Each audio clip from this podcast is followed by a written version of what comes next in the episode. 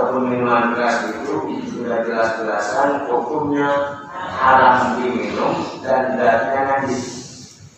Bendanya najis. Jadi al-khamru umul khaba'is minuman keras atau arak itu adalah induknya perbuatan dosa atau induknya perbuatan manusia. Tapi ada masalah di sini. Nanti kita oleh seseorang. Nah, ada dua yang mengatakan yang bertanya itu adalah Abu Tolha. Abu Tolha. Yang bertanya Abu Abu Tolha. Bagaimana tentang Arab yang dibikin eh, tentang Arab yang dibikin dari cuka tentang Arab yang dibikin dari cuka kalau dulu orang ya asbab nuzul ataupun sebab turunnya diharamkannya Arab ada tiga tahapan. Bermula boleh kemudian yang kedua masih boleh tapi jangan rombongan mau sholat. Boleh minum Arab tapi belum jangan rombongan mau sholat. Tapi karena memang belum itu maka Arab udah langsung innamal khamru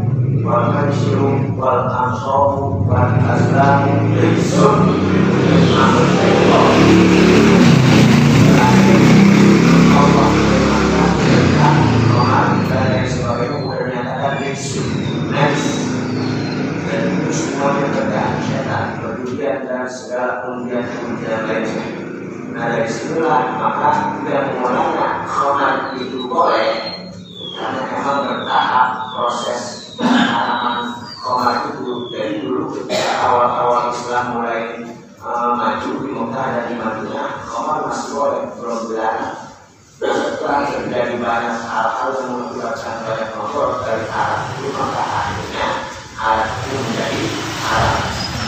Nah, otomatis yang namanya diharapkan atau bukan diharapkan bukan diharap kemudian diharapkan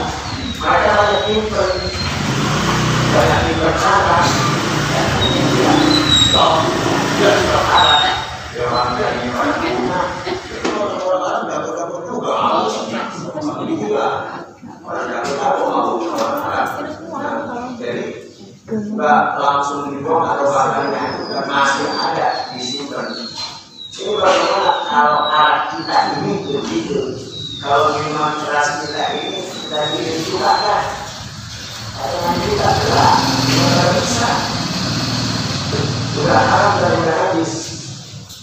Maksudnya, kamu bisa, artinya juga bisa. Makanya ada yang memilih uh, benda yang najis bisa menjadi tidak najis kalau berubah dengan sendirinya. Misalnya apa? Yaitu alat yang menjadi juga dengan sendiri. Kalau dibikin juga, dibikin juga ada unsur apa? Ada.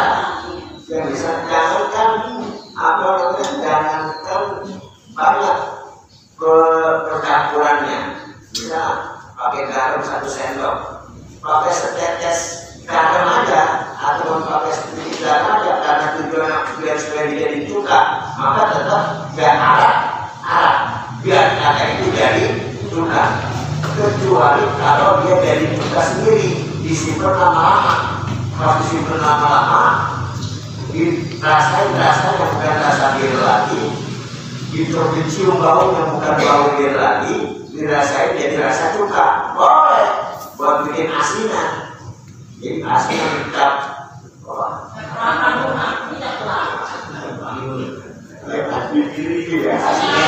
Asinan jatuh diri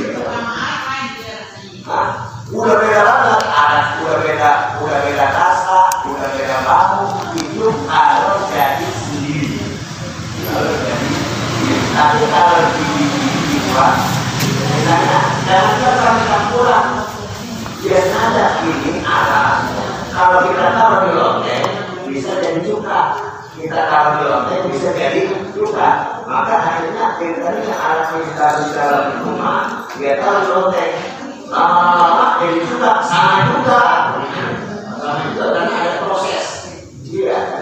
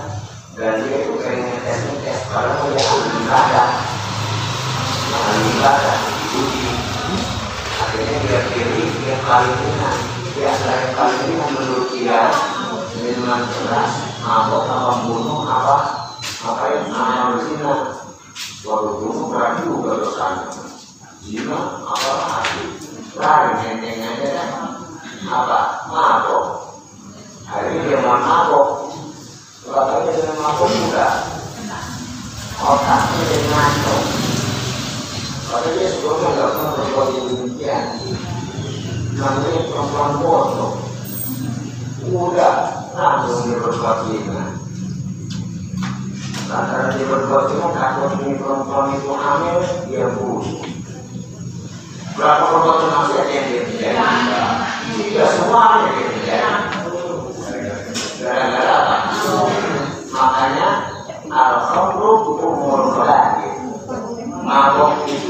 minuman keras itu adalah induknya perbuatan dosa. Padahal tadi dia bilang minuman keras itu paling pernah seluruh perbuatan perbuatan dosa yang dilakukan padahal dan itu juga termasuk dosa-dosa besar yang dilakukan dan membunuh dimulai dari mabok hati itu yang dicoba-coba jadi kalau mabok itu waktu ini kalau mabok waktu itu ada dosa atau mabok naik sudah dong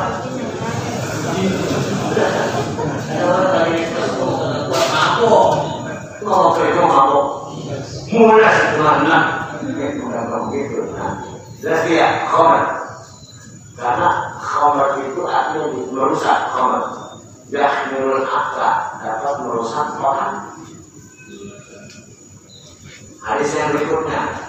Bismillahirrahmanirrahim wa anhu radhiyallahu anhu qala Amen.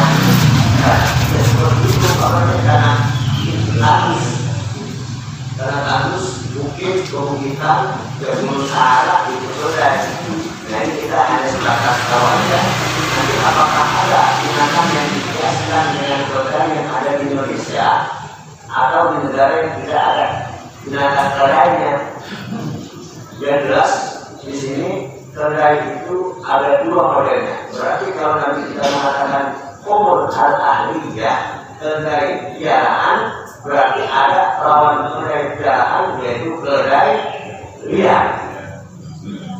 Kalau piaraan najis ataupun haram maka keledai liar boleh. Jadi keledai itu yang boleh adalah keledai liar. Artinya keledai liar keledai yang ada pada airnya yang juga di pegunungan yang juga daerah-daerah tidak ada yang nyala, udah itu keledai liar. Berarti kalau liar boleh, boleh. Kalau keledai piaraan tidak boleh. Kenapa piaraan tidak boleh? Nanti adalah inna harisun. Karena piaraan itu dianggap kotor. Nah, Allah alam bisawab kotornya, ya karena kami tahu sendiri bahwa piaraan itu kotor. Tapi kita lebih kepada cenderung karena piaraan, maksudnya piaraan itu keledai rumah bicara bicara kita empangi kemudian buat ngangkut ngangkut barang buat kendaraan buat kayak kita. Sekarang motor dulu benar. Jadi kalau main goncengan goncengan rendah jadi binatang paling rendah untuk kendaraan onta kuda rendah ini kata rendah juga segitu gedenya kalau itu lebih dari kambing lebih dari kuda karena lebih dari dari udah bisa motornya yang bisa apa udah kali dia seperti itulah dia itu ada mereka ah dia begitu model apa kalau di mah model dia ada jatuh buat dagang buat dagang dagang orang ngangkut apa dagang buah-buahan dagang sayuran dorong apa naik gerobak nah itu disebut dengan al-umur ahliyah itu kalau boleh dimakan dagingnya karena itu hukumnya najis kata Nabi kita Muhammad Sallallahu Alaihi Wasallam ya bila kata begitu juga masih ada yang dibolehkan tentang keledai yaitu tadi yaitu keledai keledai apanya keledai liar tapi kalau kita lihat Quran, binatang yang paling jelek adalah binatang berdai. Atau binatang yang paling dungu berdai. Inna antal aswati rasul hadir. Suara yang paling jelek adalah suara berdai. Kalau Allah zina, itu ada yang merintiknya itu, merintiknya itu. Inna antal aswati Bismillahirrahmanirrahim.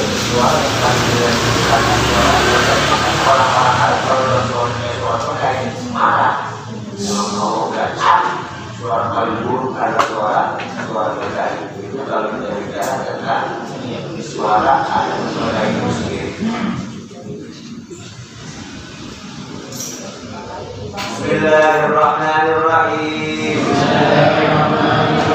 Wa an amru min khawatir. الله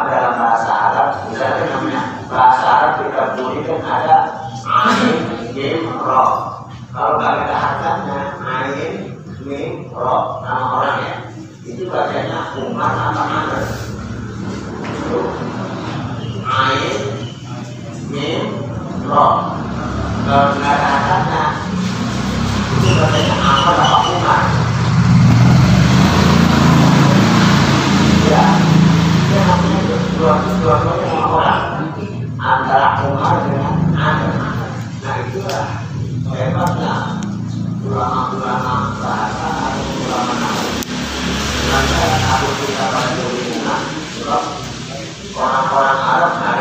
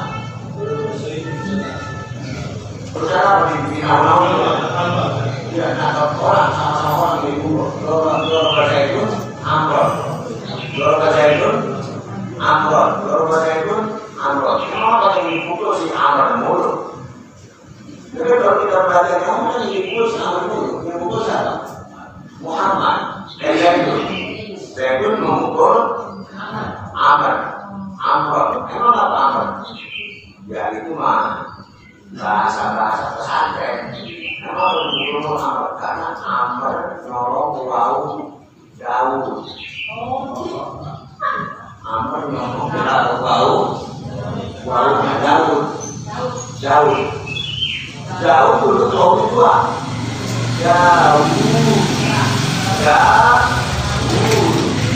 Daud ini satu, kenapa?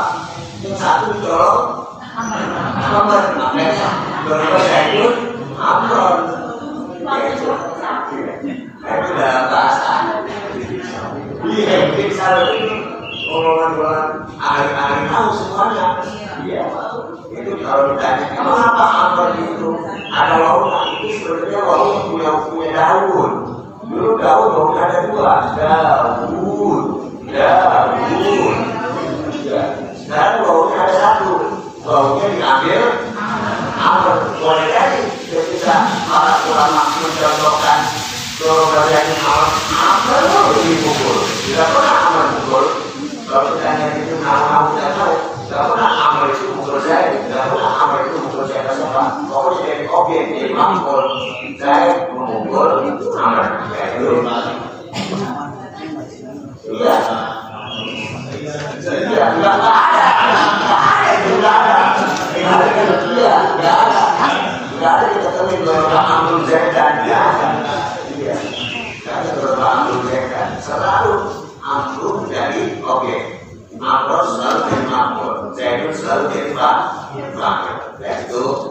filosofi bahasa. Namanya filosofi bahasa dan tulisan. Nah dari sini kita bisa tahu bahwa Ini bacanya Umar apa Amr. An Amr bin Khawidata apa An Umar. Kalau kita tanda kata bisa kita tahu Berarti An Amr. Jadi sekali lagi kalau belakang roh ada wawu bacanya amr. Amr.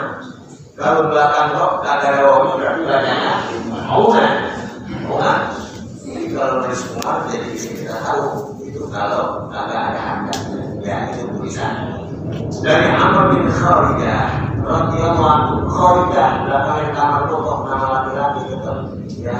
Dari Amr anaknya Kharijah Kharijah ketebalannya berkata Amr bin Kharijah Khokolana Khokolana telah khutbah kepada kami atau menyampaikan khutbah kepada kami. Muhammad Sallallahu Alaihi di Mina itu Nabi khutbahnya di Mina berarti kalau khutbah di Mina ketika apa tanggal 10 Dzulhijjah bisa tanggal 10 Dzulhijjah setelah itu hukum di Arafah dan di berangkat ke. Nah, itu tanggal 10 Dzulhijjah. Apakah ketika sholat Idul Adha nanti kita khutbah khotobana bukan khotobna khotob khotoban doa alhamdulillah dari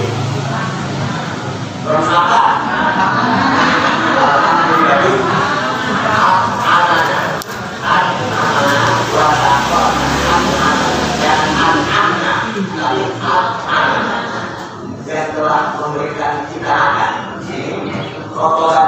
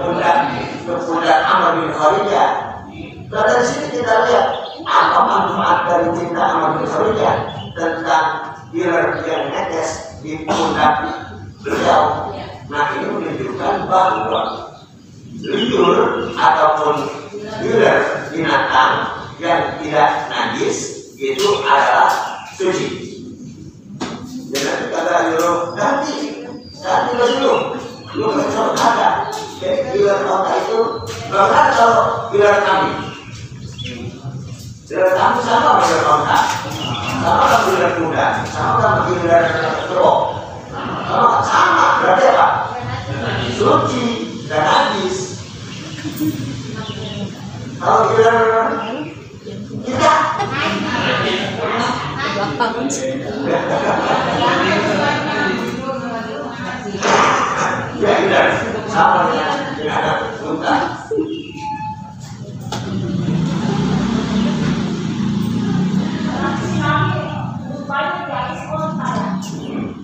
ini berarti ada yang mengatakan bahwa ini kontak kan halal.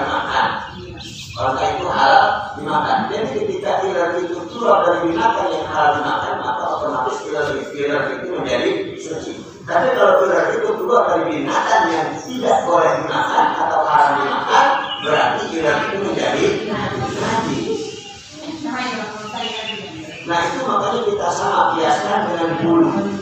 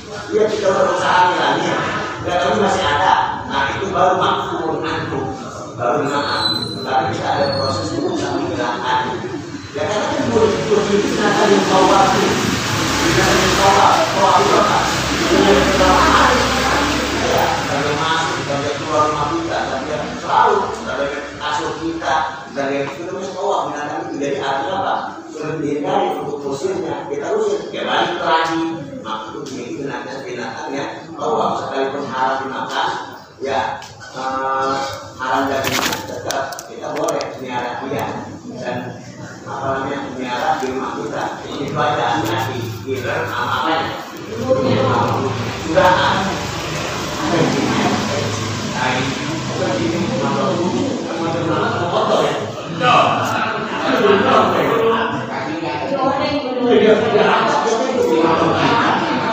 Nah kalau tidak pakai sarung, baru sampai, baru habis kerja.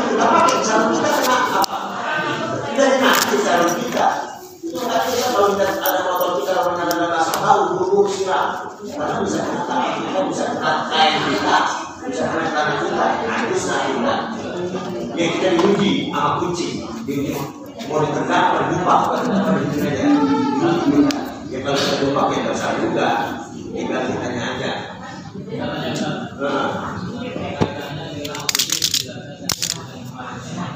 Iya.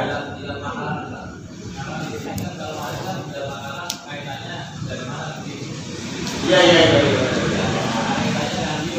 Nah, nah, bagaimana dia? Bagaimana dengan kaitan kembali kalau ada pertanyaan?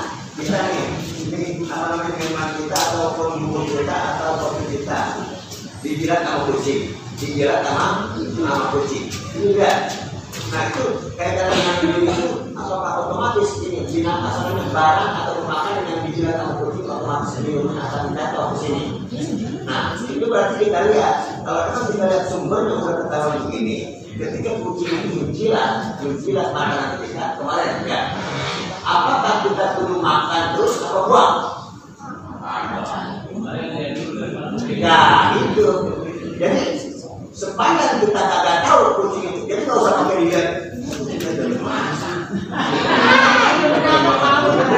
Nggak usah pakai dari mana? Berarti apa? Sepanjang kita kagak tahu itu kucing dari mana, apa? Makan. Berarti halal dan suci. Gak kurang sudah. Tapi ketika kita tahu kucing itu dari tempat yang najis, habis gigit apa? Habis gigit tikus, kita tahu memang kucing ini habis gigit tikus. Maka apa? Makanan kita menjadi atau minuman kita menjadi najis. Tapi sepanjang kita kagak tahu, jangan cari tahu. Udah, yakin aja binatang kucing itu dari tempat yang bersih makan makan nah sekarang pertanyaannya apakah ada kaitan dengan liur ya sekarang kita nggak usah cari-cari lagi terus jadi kota soal itu orang gila dia kalau kalau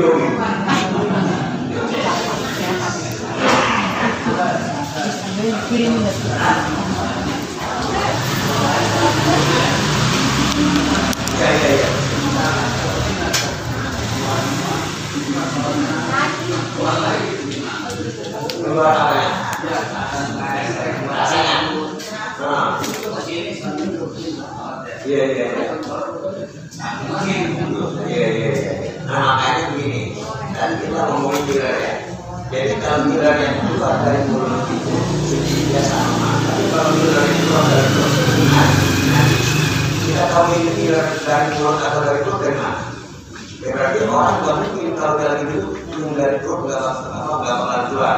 Tapi bisa keluar kalau itu lama. Ya itu jelas. Jelas. Problem makan di belakang itu semua najis. Najis itu dia ada ada pulau kecil, ada pulau besar, ya. Jadi kalau sama ini yang peka di itu. Nah ini yang di badan kita yang kita bikin dari. Ini ini kiran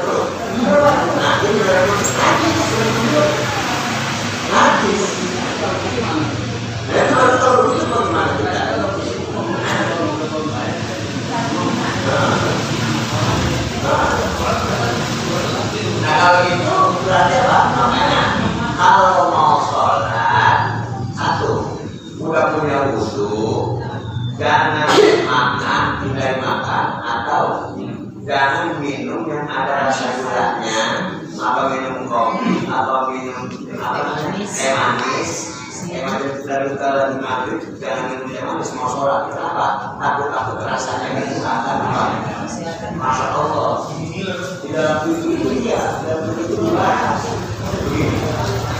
kalau kita udah bersyukur, kalau kita udah bersyukur, kita kita hilangin, memang itu gak ada masalah. Ini hanya sebatas rasa aja di apa? Sebatas rasa di kerongkongan. Tapi kalau misalnya begini, kalau seandainya kita nggak ketumur, kita nggak apa? Kita nggak perlu habis minum kopi langsung sholat. Kan boleh nggak sebetulnya? Boleh. Tapi hindari. Seandainya kalau kita terus ludah kita, kita ludah kita kita kenapa? Kita kopi, sudah kita.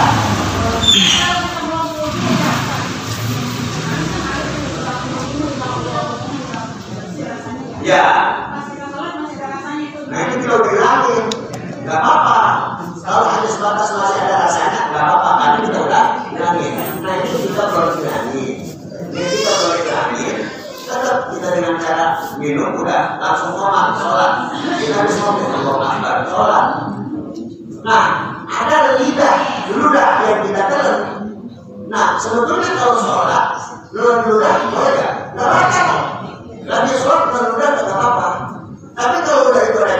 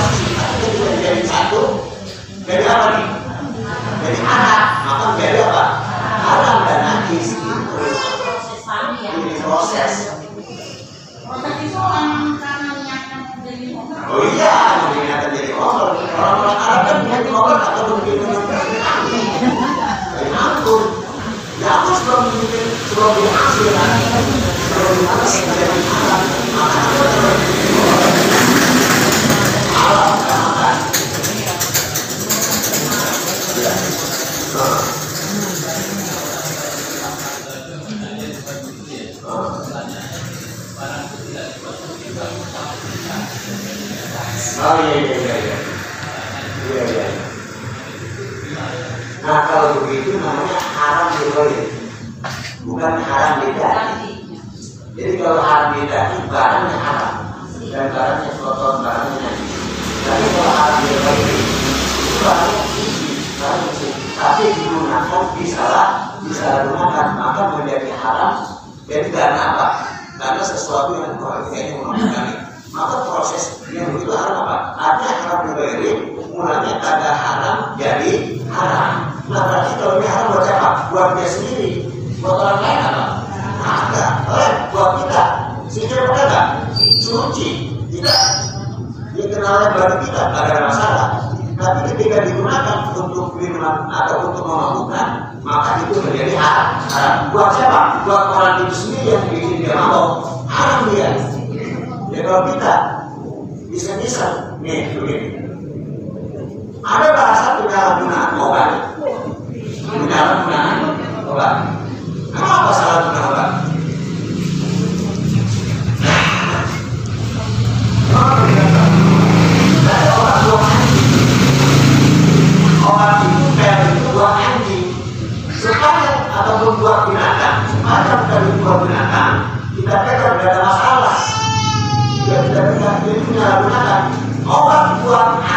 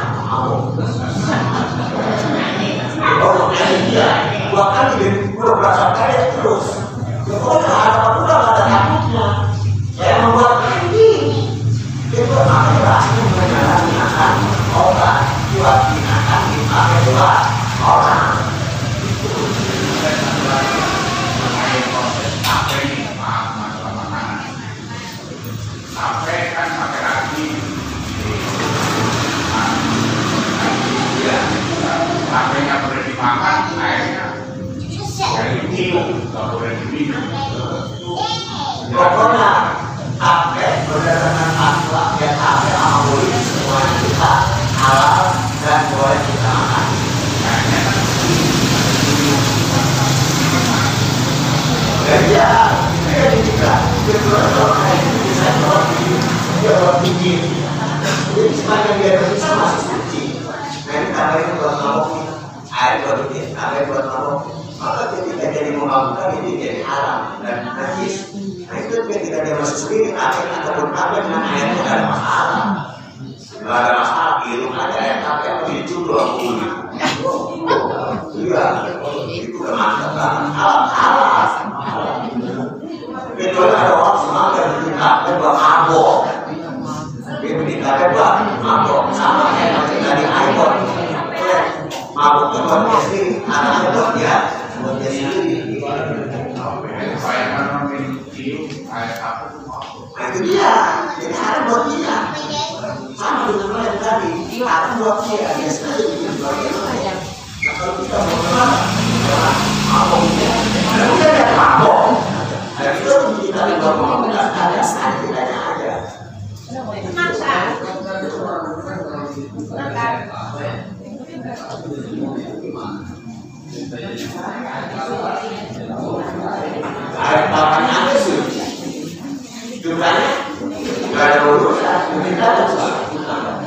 Iya, masalah.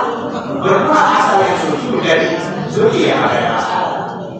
Iya, kita masalahkan apa? Orang ini anak atau najis menjadi suci bermasalah bermasalah.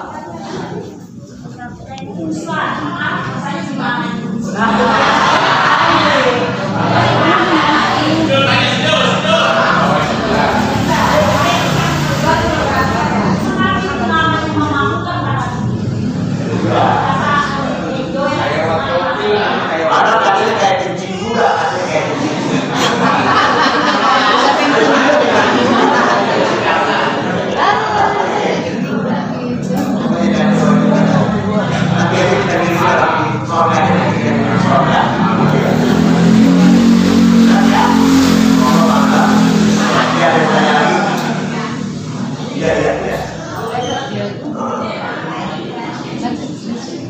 Oh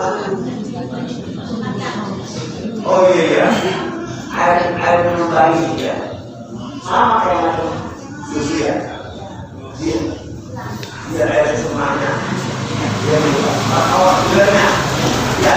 Dia nah itu kalau air minumnya ah jadi dia dari yang kalau dari mulut kayak masuk air minum korok itu kan kemungkinan dari apa dari mulut. Nah, ya. Nah, kalau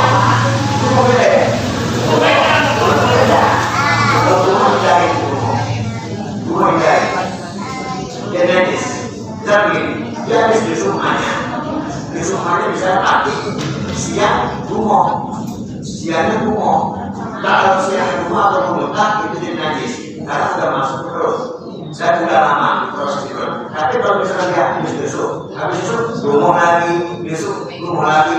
Itu belum sampai kemari masih di rombongan. Nah itu halal. Itu suci. Berhalal suci. Jadi dia. Kedua yang ada bahasa kata bumel apa namanya kata gumo dikit dikit gumo dikit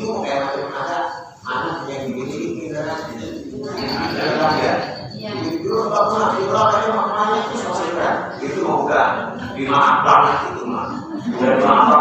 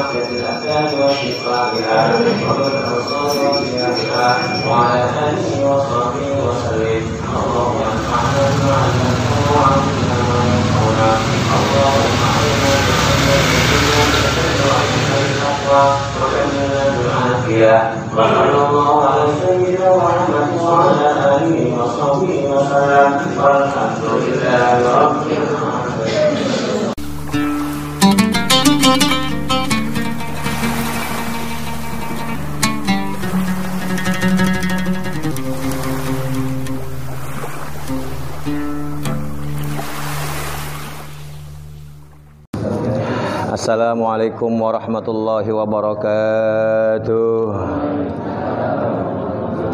الحمد لله رب العالمين والصلاة والسلام على سيدنا محمد سيد المرسلين وعلى آله وأصحابه أجمعين. أما بعد فقال تعالى أعوذ بالله من الشيطان الرجيم. بسم الله الرحمن الرحيم. wal takum minkum ummatu yad'una ilal khairi wa ya'muruna bil ma'rufi wa yanhauna 'anil munkar wa ulaika humul muflihun. Hadis keberapa? Yang an an Aisyah tak? Yang an Aisyah tak? Kita baca bareng-bareng ya. Bismillahirrahmanirrahim. Wa an Aisyah radhiyallahu anha qalat kana Rasulullah sallallahu alaihi wasallam yaghsilul maniyya thumma yakhruju ila salati fi dhalika thawbi wa ana anzuru ila atharil ghasli muttafaqun alaih wali muslimin laqad kuntu afrukuhu min thawbi rasulillahi sallallahu alaihi wasallam farkan fayusalli fihi wa fi lafzin lahu laqad kuntu ahukkuhu ya bisan bi zufri min taubihi nah dari Aisyah radhiyallahu anha. Kenapa dibaca anha? Karena perempuan. Kalau laki-laki, kalau engkau, engkau anka, radhiyallahu anka. Boleh. Kalau rame-rame, radhiyallahu anhum. Kalau beramai-ramai orang ketiga. Dari Aisyah radhiyallahu anha berkata qalat berkata Siti Aisyah kana pernah. Jadi kalau kita bisa artiin kana boleh juga kita bisa artiin pernah. Atau bisa juga artinya dulu. Itu kalau ngartiin zaman sekarang. Kalau zaman dulu zaman kitab adalah pernah Nabi kita Muhammad sallallahu alaihi wasallam yaghsilul maniyya membasuh atau mencuci mani Summa yakhruju ila salati kemudian dia keluar untuk melaksanakan salat fi dzalika tsaubi pakai baju itu. Wa ana anzuru saya ngelihat siapa sayanya nih? Aisyah. Siti Aisyah saya ngelihat ila atharil ghasli bekas cucian di bajunya. Bekas cucian mani muttafaqun alaih. Ada juga riwayat Muslim sendiri laqad kuntu kata Siti Aisyah Lakod kuntu saya afrukuhu garuk apa namanya garuk garukinnya min thawbi dari baju Rasulullah sallallahu alaihi wasallam farkan sekali garukan fayusalli fihi maka Nabi salat dengan baju itu ada lagi lafaz yang lain riwayat Muslim juga laqad kuntu saya benar-benar sudah ataupun ya benar sudah ahukkuhu menggaruknya ya bisan sudah dalam keadaan kering. Garuknya pakai apa? Bizufri, pakai kuku saya. Kata Siti Aisyah, min taubihi dari bajunya. Nah, inti hadis kita di sini adalah Bagaimana hukumnya kalau baju atau kain kita ada maninya? Apakah sah nggak sembahyang kita atau tidak kalau mani itu kita kagak cuci? Nah sekarang pertanyaannya ataupun hukum dasarnya mani najis apa enggak? Enggak najis. Berarti kesimpulannya seandainya kita sholat dengan pakaian yang ada maninya itu sebetulnya sah. Sebetulnya sah. Melihat karena mani itu tidak najis. Tapi karena emang lantaran ini Nabi kita, Siti Aisyah, Nabi kita nyuci. Jadi pas ada maninya, dicuci sama Nabi kita. Dicuci sama Nabi kita pakai air udah. Maka fayusalli fi thawbin lahu. Maka Nabi kita sholat pakai baju yang tadi dicuci. Berarti ada basah-basahan. Nah itu berarti syaratnya satu dicuci. Ada lagi riwayat lain kagak dicuci. Udah kering. Jadi udah kering. Tapi Siti Aisyah tuh begitu tuh. Ufarikuhu namanya, afrukuhu. Jadi kalau afruku itu bahasanya menggaruk-garuk selain badan, lebih umum. Misalnya kita gegaruk begini, kena baju, ini namanya afruku. Tapi kalau kena ini ahukku, sama artinya sama-sama garuk. Tapi kalau garuk yang lain itu namanya afruku. Kalau garuk badan namanya ahukku, kena kulit. Di sini kan banyak anak pesantren ya. Sedoir. Apa bahasa Arabnya gatal-gatal? Bahasa Arab itu mah gudik lah. gudik mah bahasa Brazil. Ini bahasa Arabnya gatal, gatal-gatal apa? Hikah. Hikah itu gatal. Izin nama pesantren. Kenapa? Hikah. Oh, udah maklum hikah. Emang apa? Kesrek. itu hikah. Jadi hikah itu sesuatu yang gatal kemudian kita garuk. Jadi ahukkuhu saya garuk pakai kuku saya. Jadi garuk garuknya pakai kuku. Nah, berarti apa? Kalau kita sholat, kalau kita sholat, ini ada dua hal. Jadi aturan-aturan kita tidur begini. Emang apa Nabi kita? Emang apa nggak pakai nggak nggak pakai baju nggak nggak ganti baju aja? Nabi kita nggak jangan pakai baju yang ada maniknya. Nabi kita nggak ganti baju aja. Satu, Nabi kita ngajarin kita. Yang kedua, bisa jadi Nabi kita bajunya itu-itu doang. Atu. Emang apa? Lah kan Nabi kita kan emang minta sama Allah biar supaya miskin. Allahumma ahyini miskinan wa tawaffani miskinan wahsyurni yaumal qiyamati fi zumratil masakin. Ya Allah hidupkan aku dalam keadaan miskin dan wafatkan aku dalam keadaan miskin dan giring aku nanti pada hari kiamat bersama orang-orang miskin. Makanya orang kaya menggama Nabi. Nanti hari kiamat. itu yang orang orang kaya yang dermawan sama Nabi, orang kaya yang baik yang sama Nabi juga. Emang apa Nabi kita minta digiring sama orang miskin nanti di hari kiamat? Hisabnya duluan. Orang miskin hisabnya duluan. Biar kata orang kaya itu amalnya banyak, tetap orang miskin yang duluan. Mana? Biar kata orang miskin ada di belakang pojokan, ada iya dia di antrian paling belakang dipanggil duluan. Beda sama di dunia.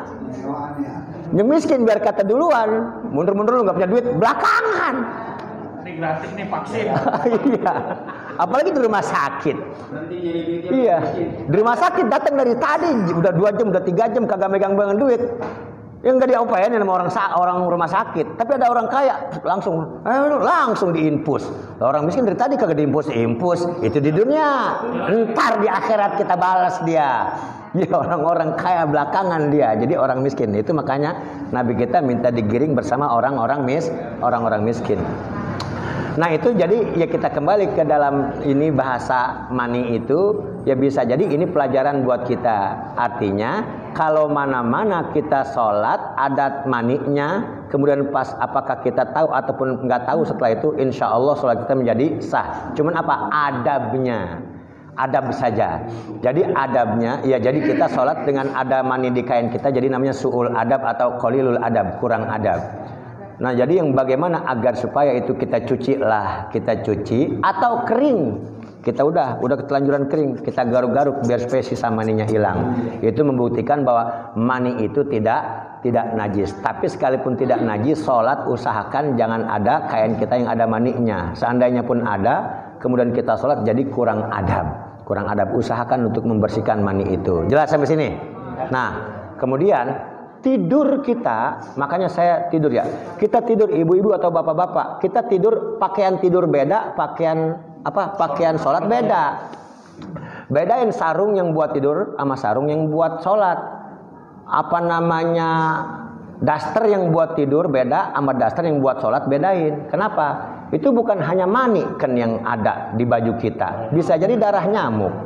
Bisa jadi ompol kita ilokan udah gede ngompol ya siapa tahu iya iya iya nah, iya nah iya cebok kagak bersih kemudian ada juga ya iler kita bisa banyak menyebut banyak lah makanya kita pakai baju kalau tidur bedain dengan pakaian untuk sol sholat jadi kesimpulannya adalah mani tidak najis dan tidak ada masalah sepanjang itu kita apa namanya udah berusaha untuk membersihkannya. Nah kemudian apalagi Nabi kita yaitu maninya bukan mani mimpi. Insya Allah Nabi kita maninya bukan mani mimpi tapi mani emang hubungan badan beliau dengan istrinya. Sebab emang ada aja ada ada manakibnya. Lam yahtalim qattu toha mutlaqon abada. Nabi kita nggak pernah mimpi ihtilam Nabi kita nggak pernah mimpi basah sepanjang hidupnya. Kalau kita mah dikit-dikit mimpi basah, dikit-dikit mimpi basah. Biar kata udah punya bini. Celutak. iya, tapi Nabi kita nggak pernah. Itu iya. Iya. Sekarang begini. Ada orang sholat subuh. Sholat subuh Ya, malam. Biasa kan dia mau habis sholat subuh kan ada juga yang kagak mandi dulu, langsung wudhu kemudian sholat. Ada juga yang mandi sholat. Nah ini dia udah atau dia mandi juga sholat dia mandi dia mandi biasa sholat udah beres. Pas ketika dia sholat dia lupa. Dia hubungan badan semalam atau dia lupa apa? Ngimpi. Ngimpi. Dia udah sholat subuh. Pas dia ingatnya apa? Siang Siang, siang ada siang ya. Astagfirullah. Ya Allah. Gua ngimpi. semalam atau hubungan badan lupa. Itu kan ya orang namanya habis tidur. Iya. Nah itu bagaimana? Wajib mandi. Wajib mandi kemudian wajib kodok sol salat. Itu ya ada wajib. Jangan lah ya udahlah Allah juga tahu dia mandi doang. Dia mandi doang sembahyang kagak. Salatnya tetap, salatnya kagak bisa. Makanya kan ya ini kita ulang lagi pertanyaan yang dulu kita. Itu kalau kita sembahyang sendiri atau kita sembahyang makmum, wajib mandi lagi, wajib kodok. Bagaimana kalau imam? Imam. Assalamualaikum warahmatullahi wabarakatuh. Astagfirullahaladzim. Lepek ini bukan semalam. Imam. Berarti kan dia kagak mandi. Ya orang kan syarat sah sholat kan suci dari hadas kecil dan besar. Nah dia ingat astagfirullahaladzim. Itu bagaimana? Sembahyangnya semuanya sah apa batal? Hah? Sembayang, ya. Sembayang makmumnya semuanya sah. Semuanya sah. Dengan catatan imam jangan ngomong. Pak, saya lupa mandi. Kalau imam ngomong begitu, makmum wajib ulang sholat semuanya. Makanya jangan ngomong, biarin dia aja, itu udah sah. Mau mas sah. dia, ini kita nih ada imam, jangan ngomong begitu, jangan udah selesai assalamualaikum, astagfirullahaladzim. Lah, gua belum mandi, jangan ngomong udah biarin aja mau mas sah. Tinggal kitanya nih, kitanya tetap, kitanya wajib mandi dan ngulang sol, ngulang sholat. Itu kalau udah selesai, kalau udah selesai. Bagaimana kalau lagi sholat? Lagi sholat jangan nunggu selesai. Orang katanya, ya biarin mau sah. Nggak bisa. Karena udah ketika kita ingat berarti emang sembahyang kita udah kagak sah. Tapi pada saat posisi lupa masih dinyatakan benar. Tapi ketika ingat pas astagfirullah gua belum mandi semalam. Itu bagaimana? Terusin menanggung dosa makmum semua dia. Menanggung doa, ngomong sama yang belakang. Nih makanya yang belakang udah pinter. Gantiin gua, ngomongnya gantiin gua aja.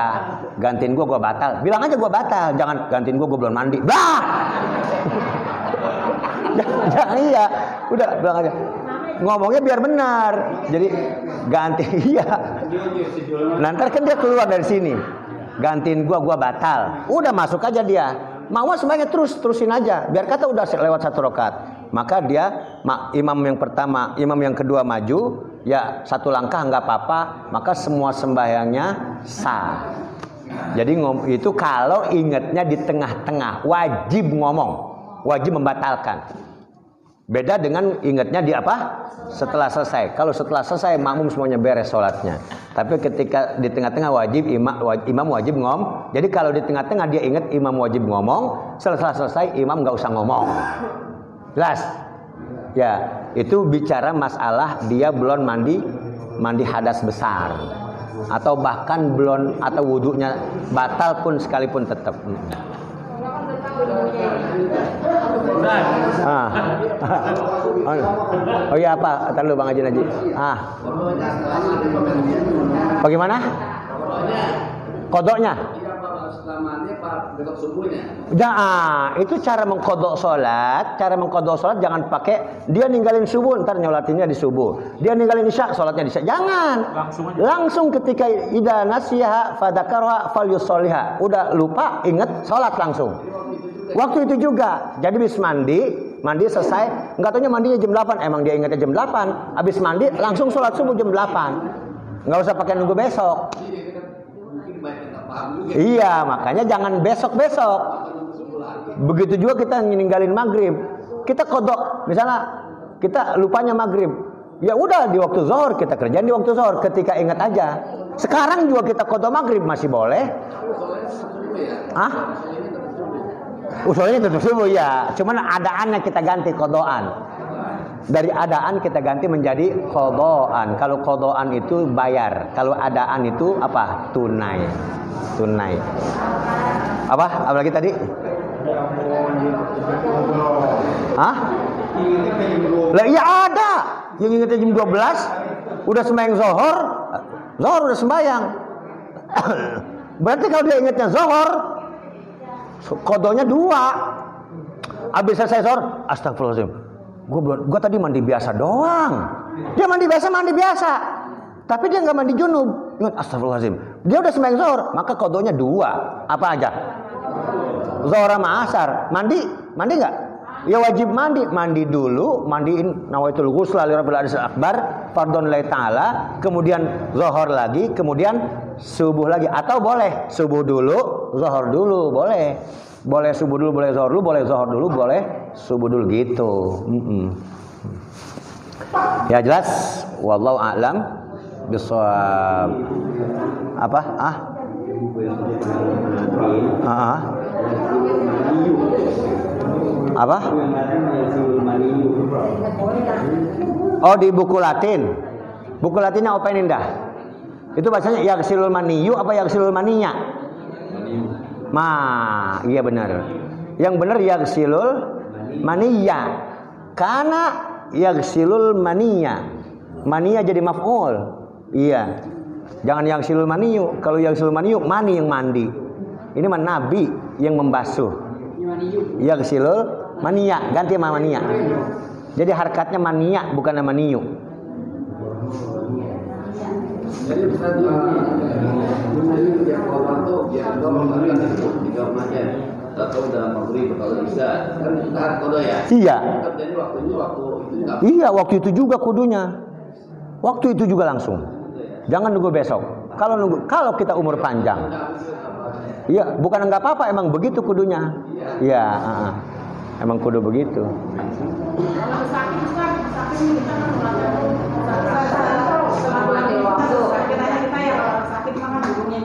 Iya, iya, iya. Ya, karena itu udur, karena kita udur, tetap kita sholat ya, sholat namanya sholat menghormati waktu. Ntar pas kodonya kapan? Yang bagus segera, sunnahnya segera. Tapi seandainya dia tunda-tunda nunggu nunggu fit, nunggu prima badannya, maka entar-entar juga nggak apa-apa. Jadi kalau bahasa entar-entar nggak apa-apa itu karena dia meninggalkannya karena udur. Kecuali kalau meninggalkannya sengaja. Misalnya begini, dia main sepeda, main sepeda dari zohor sampai maghrib, belum sembayang asar. Pas buru-buru pulang, nggak keburu maghrib. Maka itu wajib asar dulu, baru maghrib. Wajib asar dulu. Karena apa? Karena meninggalkannya dengan sengaja. Jangan maghrib dulu. Jangan maghrib dulu. Asar dulu baru maghrib. Karena meninggalkan asarnya, meninggalkan asarnya dengan sengaja. Jadi kalau meninggalkannya dengan sengaja wajib buru-buru dibayar. Kalau meninggalkannya karena udur sunnah buru-buru dibayar. Ya udah niat aja. Saya sholat zuhur. Iya. Nggak perlu ya nggak perlu ya nggak perlu pakai bahasa wudhu iya nggak perlu pakai gerakan. Karena nggak mungkin kita bergerak. Iya. Nggak mungkin kita ngambil air wudhu ya itu jadi hanya sebatas niat aja. Apa manfaatnya? Yang dulu kita bilang manfaatnya biar supaya tidak dianggap orang yang lalai terhadap waktu tidak dianggap lalai terhadap waktu. Makanya bahasa begini nanti aja kodok nanti aja kodok. Nggak boleh ngomong begitu. Nggak boleh itu namanya meremehkan waktu. Nanti aja kodok nggak boleh ngomong begitu